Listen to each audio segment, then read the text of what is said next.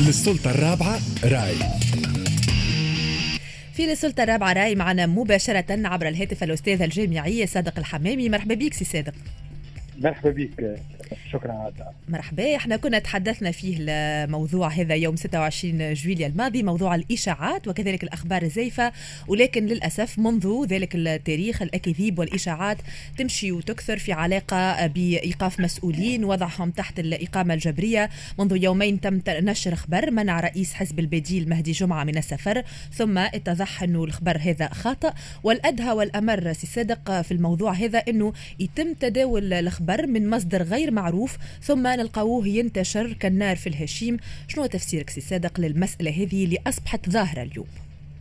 شوف آه، ظهرت الأخبار الزائفة آه، وما يسمى بال fake news. أي. يجب تمييزها عن عن الإشاعات لأن الإشاعة عادة هي هي معلومات آه، يتداولها الناس دون أن تكون لها مصدر مصدر واضح أو مصدر معلوم. الان نحن لسنا بصدد أنا اعتقادي أن لسنا بصدد الأخبار الزائفة بصدد الإشاعات لكن بصدد أخبار زائفة. والأخبار الزائفة على عكس الإشاعات آه، يتوفر فيها شرط النيه يعني هي منتج صناعه هي ليست فقط آه، معلومات يتداولها الناس هكذا. يعني بكل براءة هناك آه، يعني في ما نراه من أخبار زائفة يعني هناك آه، يعني نية الإساءة هناك رغبة في صناعة الخبر الزائف وهذا ورغبة في تداول الخبر خبر الزائف وفي نشر الخبر الزائف. بالمناسبة الأخبار الزائفة هي مسألة خطيرة جدا. وتهدد الحياة الاجتماعية. وتهدد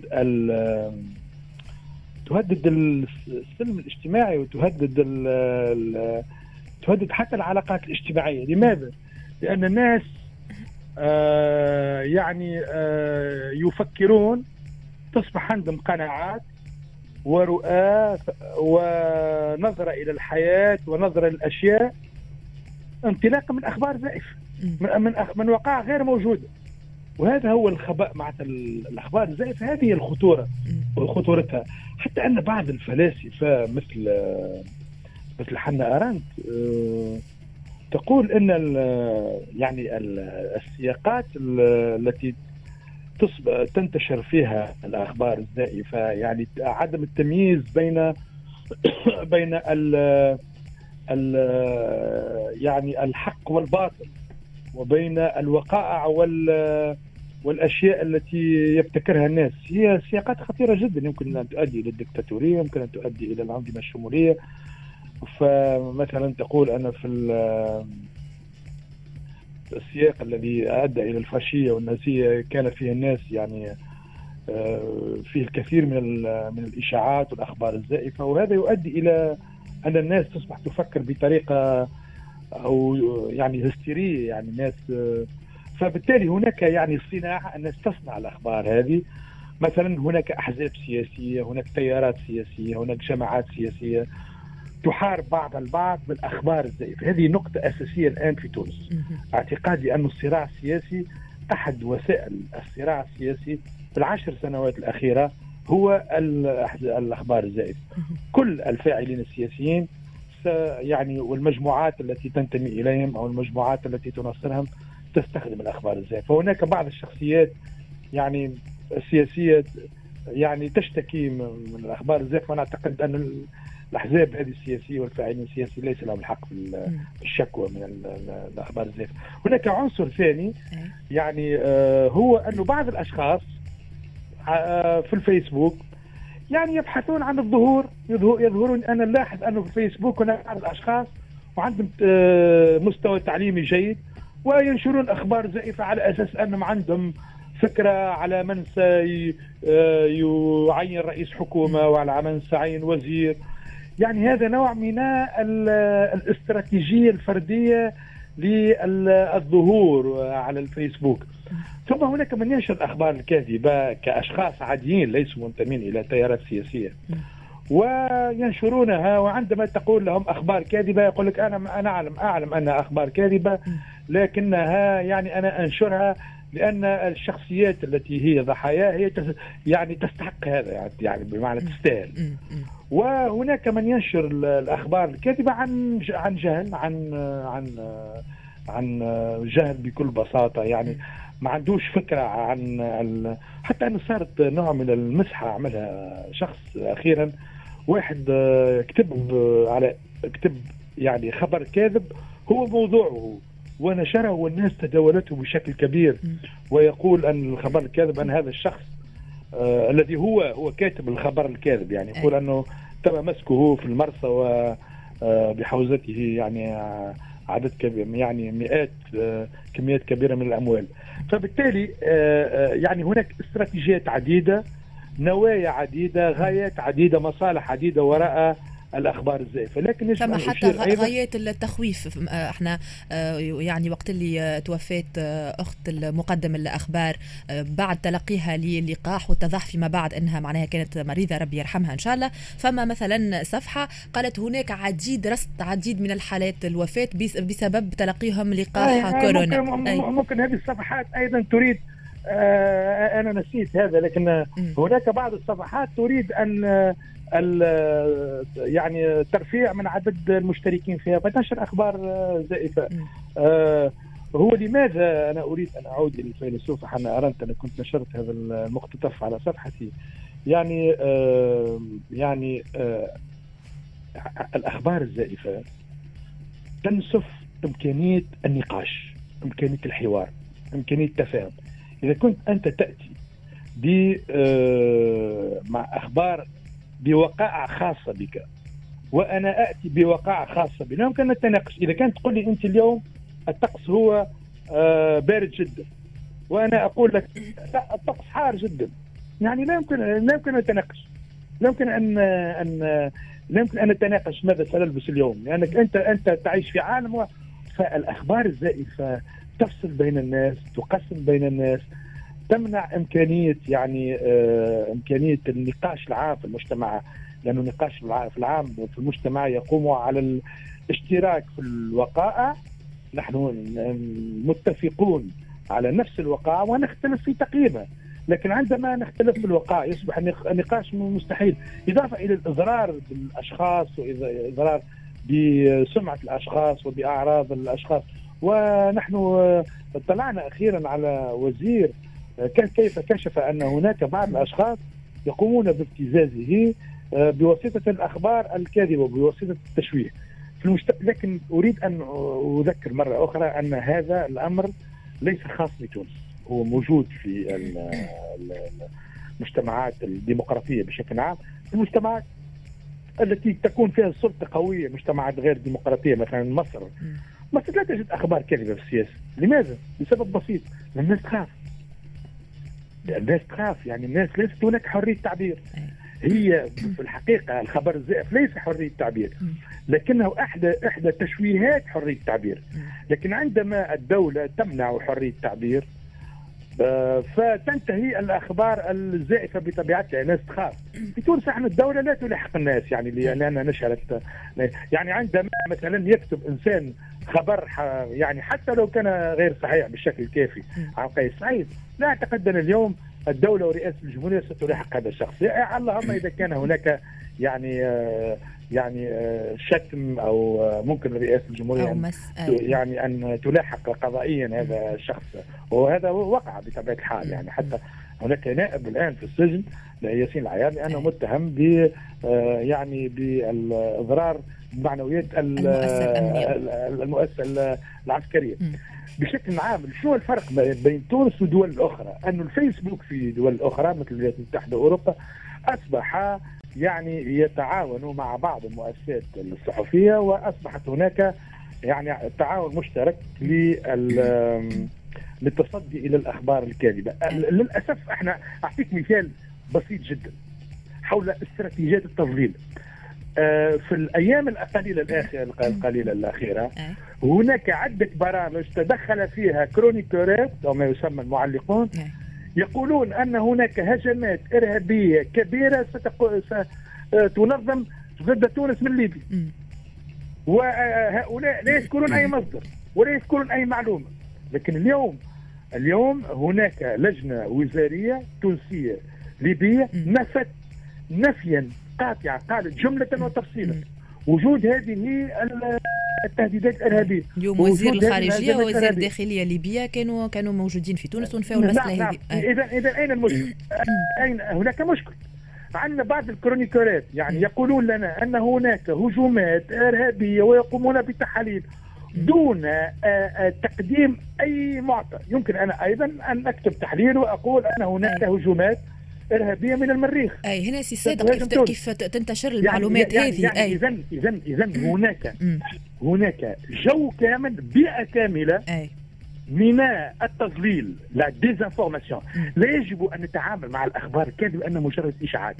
هناك بيئة من ال désinformation أي. من التضليل تشارك فيها مؤسسات اعلاميه هذا منذ عشر سنوات ترى ليس ليس جديد ولكن فما منذ مؤس... عشر أي سنوات. سي... سي صادق فما مؤسسات اعلاميه وصحفيين معناها محترفين اللي كيف تكون موجودة نعم. الأخبار هذه يحبوا يتأكدوا نعم. من مدى صحتها لكن ولكن كيف يتصلوا بالمسؤولين سي صادق كيف نعم. يتصلوا بالمسؤولين ما يتحصلوش عليهم هنا زاد ساعات. تكون ال- المصادر الرسمية صحيح. هذه صحيح. والمسؤولين يكونوا هما السبب في. يخلي يفسحوا المجال أكثر للأخبار الزيفة باش تنتشر صحيح. لكن يعني في الحالة هذه بتاع الهجومات الإرهابية هناك صحف وهناك آه، برامج آه، حوارية ساهمت في نشر هذه الأخبار. ثم اليوم هل هي ستعتذر؟ لأن هناك بعض الكرونيكورات يعتقد أنه خارج فوق الأخلاقيات الصحفية وهذا غير صحيح. غير صحيح بالمرة. القاعدة تقول الأخلاقيات الصحفية لا لا تعرف أي استثناء ولا تعرف أي توقف. هي مستمرة في كامل برامج القنوات الاذاعيه والقنوات التلفزيونية والصحف حتى إذا كان المتحدث ليس بالضرورة حامل بطاقة صحفي. أيضا هناك تقصير الآن وأنا اشرت إلى هذا. من رئاسة الجمهورية في التواصل مع الصحفيين. هناك مشكل كبير والصحفيون يشتكون من هذا و لا يعني اشتكينا والله من المنبر هذا سي سي صادق اشتكينا من هذا وحتى مع برشا صحفيين معناه زملاء كانوا عبروا على امتعاضهم من الطريقة هذه اللي تم التعامل بها مع الصحفيين آه الطريقة الاتصالية اللي قاعدة تنتهج فيها رئاسة الجمهورية والغياب التام خلينا نقول التام للتواصل مع مع الصحفيين للحصول على المعلومة نعم. الصحيحة والدقيقة لا نعم لماذا؟ لماذا؟ لأن الصحفي هو لا يمكن يكت- أن يقتصر دوره عن إعادة كتابة البلاغات الصحفية م. أو البيانات الصحفية les communiqués de presse. أو عندما ينزل فيديو من الرئاسة يقوم بتقطيعه إلى ثلاثة أجزاء ويعطي عنوان ويعيد يحتاج إلى التحليل لكن كيف يحلل الصحف؟ يحتاج إلى معلومات إضافية مثلا أعطيك مثال بسيط جدا هناك والي جديد في في آه قامت رئاسة الجمهورية بتعيينه في في آه بنزرت. نحن نحتاج إلى السيرة الذاتية لهذا الوالي. الصحفيون لم تتوفر لديهم هذه السيرة الذاتية. ما هي استراتيجية الرئاسة الجمهورية في مجال تعيين الولاة لماذا تم تعيينه؟ ما هو برنامج هذا الوالي؟ لماذا تمت إقالة هذا الوالي؟ وبالتالي يعني يعني إحنا وهذه يعني ما ما ما يعني رئاسة يعني ال ال ال ال ال في الولايات المتحدة البيت الأبيض عنده مواعيد صحفية يومية وهناك مراسلون يعني يشتغلون يو يوميا في آه، ال- البيت الأبيض. وهم يعني يسميهم correspondent يعني مراسلون لمؤسساتهم لا يذهبون إلى مؤسسات عندهم مكتبهم في البيت الأبيض. وأنت تعلمين هذا تعرف هذا أكيد. أي. أكيد. بالتالي يعني يعني لا يمكن يعني لا يمكن وهذا يساهم في عدم التواصل عدم لأنه حتى مثلا ال- ال- ال- الصحفيون يتعاملون مع مصالح الاتصال. وإحنا عندنا في معهد الصحافة قسم كامل قسم الاتصال. يدرسون مواد كاملة اسمها العلاقات مع مع الصحافة. يدرسون كيفية بناء كتابة ال communiqué de presse والملف الصحفي. وهناك حتى تقنيات معروفة. مثلا هناك معلومات تسمى off the record يعني يتحصل عليها الصحفي. هي ليست معدة للنشر لكن يتحصل عليها الصحفي لتكون له background فبالتالي للأسف إحنا شنو اللي عندنا الآن؟ الآن الآن عندنا مجموعة من الصحفيين العاديين هذم يعملون ينقلون البلاغات. ثم عندنا مجموعة من الكرونيكارات في البرامج الإخبارية يقولون مش الكل بطبيعة الحال أي. حتى لا يعني حتى نكون لا نضعهم الجميع في سلة واحدة. يجيوا ياتيوا بتحليلات عشوائية وبتحليلات إيديولوجية وبتحليلات مضلله على أساس أن هي وهي في الحقيقة ليست آراء لأن ليست آراء مبنية على وقائع ومبنية على معلومات صحيحة ويضللون الرأي العام في كل وسائل الإعلام في كل المواقع في في كل خاصة البرامج الإذاعية والتلفزيونية. وعندما يت يعني يعني آه يتبين يتبين أن هذه أن التحليلات التي قاموا بها لا أساس لها من الصحة يعني يمرون هكذا وكأن يعني أصبح يعني جزء من الكرونيكار اليوم أصبح دوره بكل وضوح هو تضليل الرأي العام. يعني عندنا الآن التضليل الاجتماعي في في مواقع الشبكات الاجتماعية وعندنا أنواع جديدة للأسف في الفترة هذه أصبحت يعني اصبح التضليل يعني مباح ولا ما ثم حتى مشكل. يعني بإمكانك أن تقول أي شيء تكتب أي شيء دون الاستناد إلى أي نوع من الوقائع التي يعني حتى يقول لك وهنا أستاذ السؤال المطروح نعم. أين هو دور الايكا؟ هذا هذا هذا مهم جدا أن الهيكا يجب أن تقوم اليوم بدورها وإحنا يعني هناك مجلس صحافه بطبيعة الحال يعني يجب أن يقوم بدوره في هذا المجال ويجب التنديد بهذه الأشياء وهناك يعني انتقلنا إحنا من الأخبار الزائفة للكرونيكا يعني عندما يأتي إنسان ويقول على أستاذ جامعي معروف أنه مشعوذ مثلا هذا نوع من الأخبار الزائفة يعني. آه يعني دون أن نسمي البعض معناتها. أنا ما يهمنيش الأسماء الأشخاص. لكن نحن نعيش في بيئة أصبحنا أصبحت تسممنا ان توكسيكي إحنا الآن نعيش حالة تسميم إخباري. يعني نتغذى نتغذى بلا من الأخبار هذه بأخبار زائفة, زائفة. ونتغذى بأخبار كاذبة ونتغذى بالتضليل الإخباري وأصبحنا يعني أذهاننا وعقولنا أصبحت يعني غير قادر على التفكير غير قادر على التمييز غير قادر على على التفكير العقلاني بسبب يعني استراتيجيات التضليل هذه وللأسف من يضع حدا لكل هذا أستاذ؟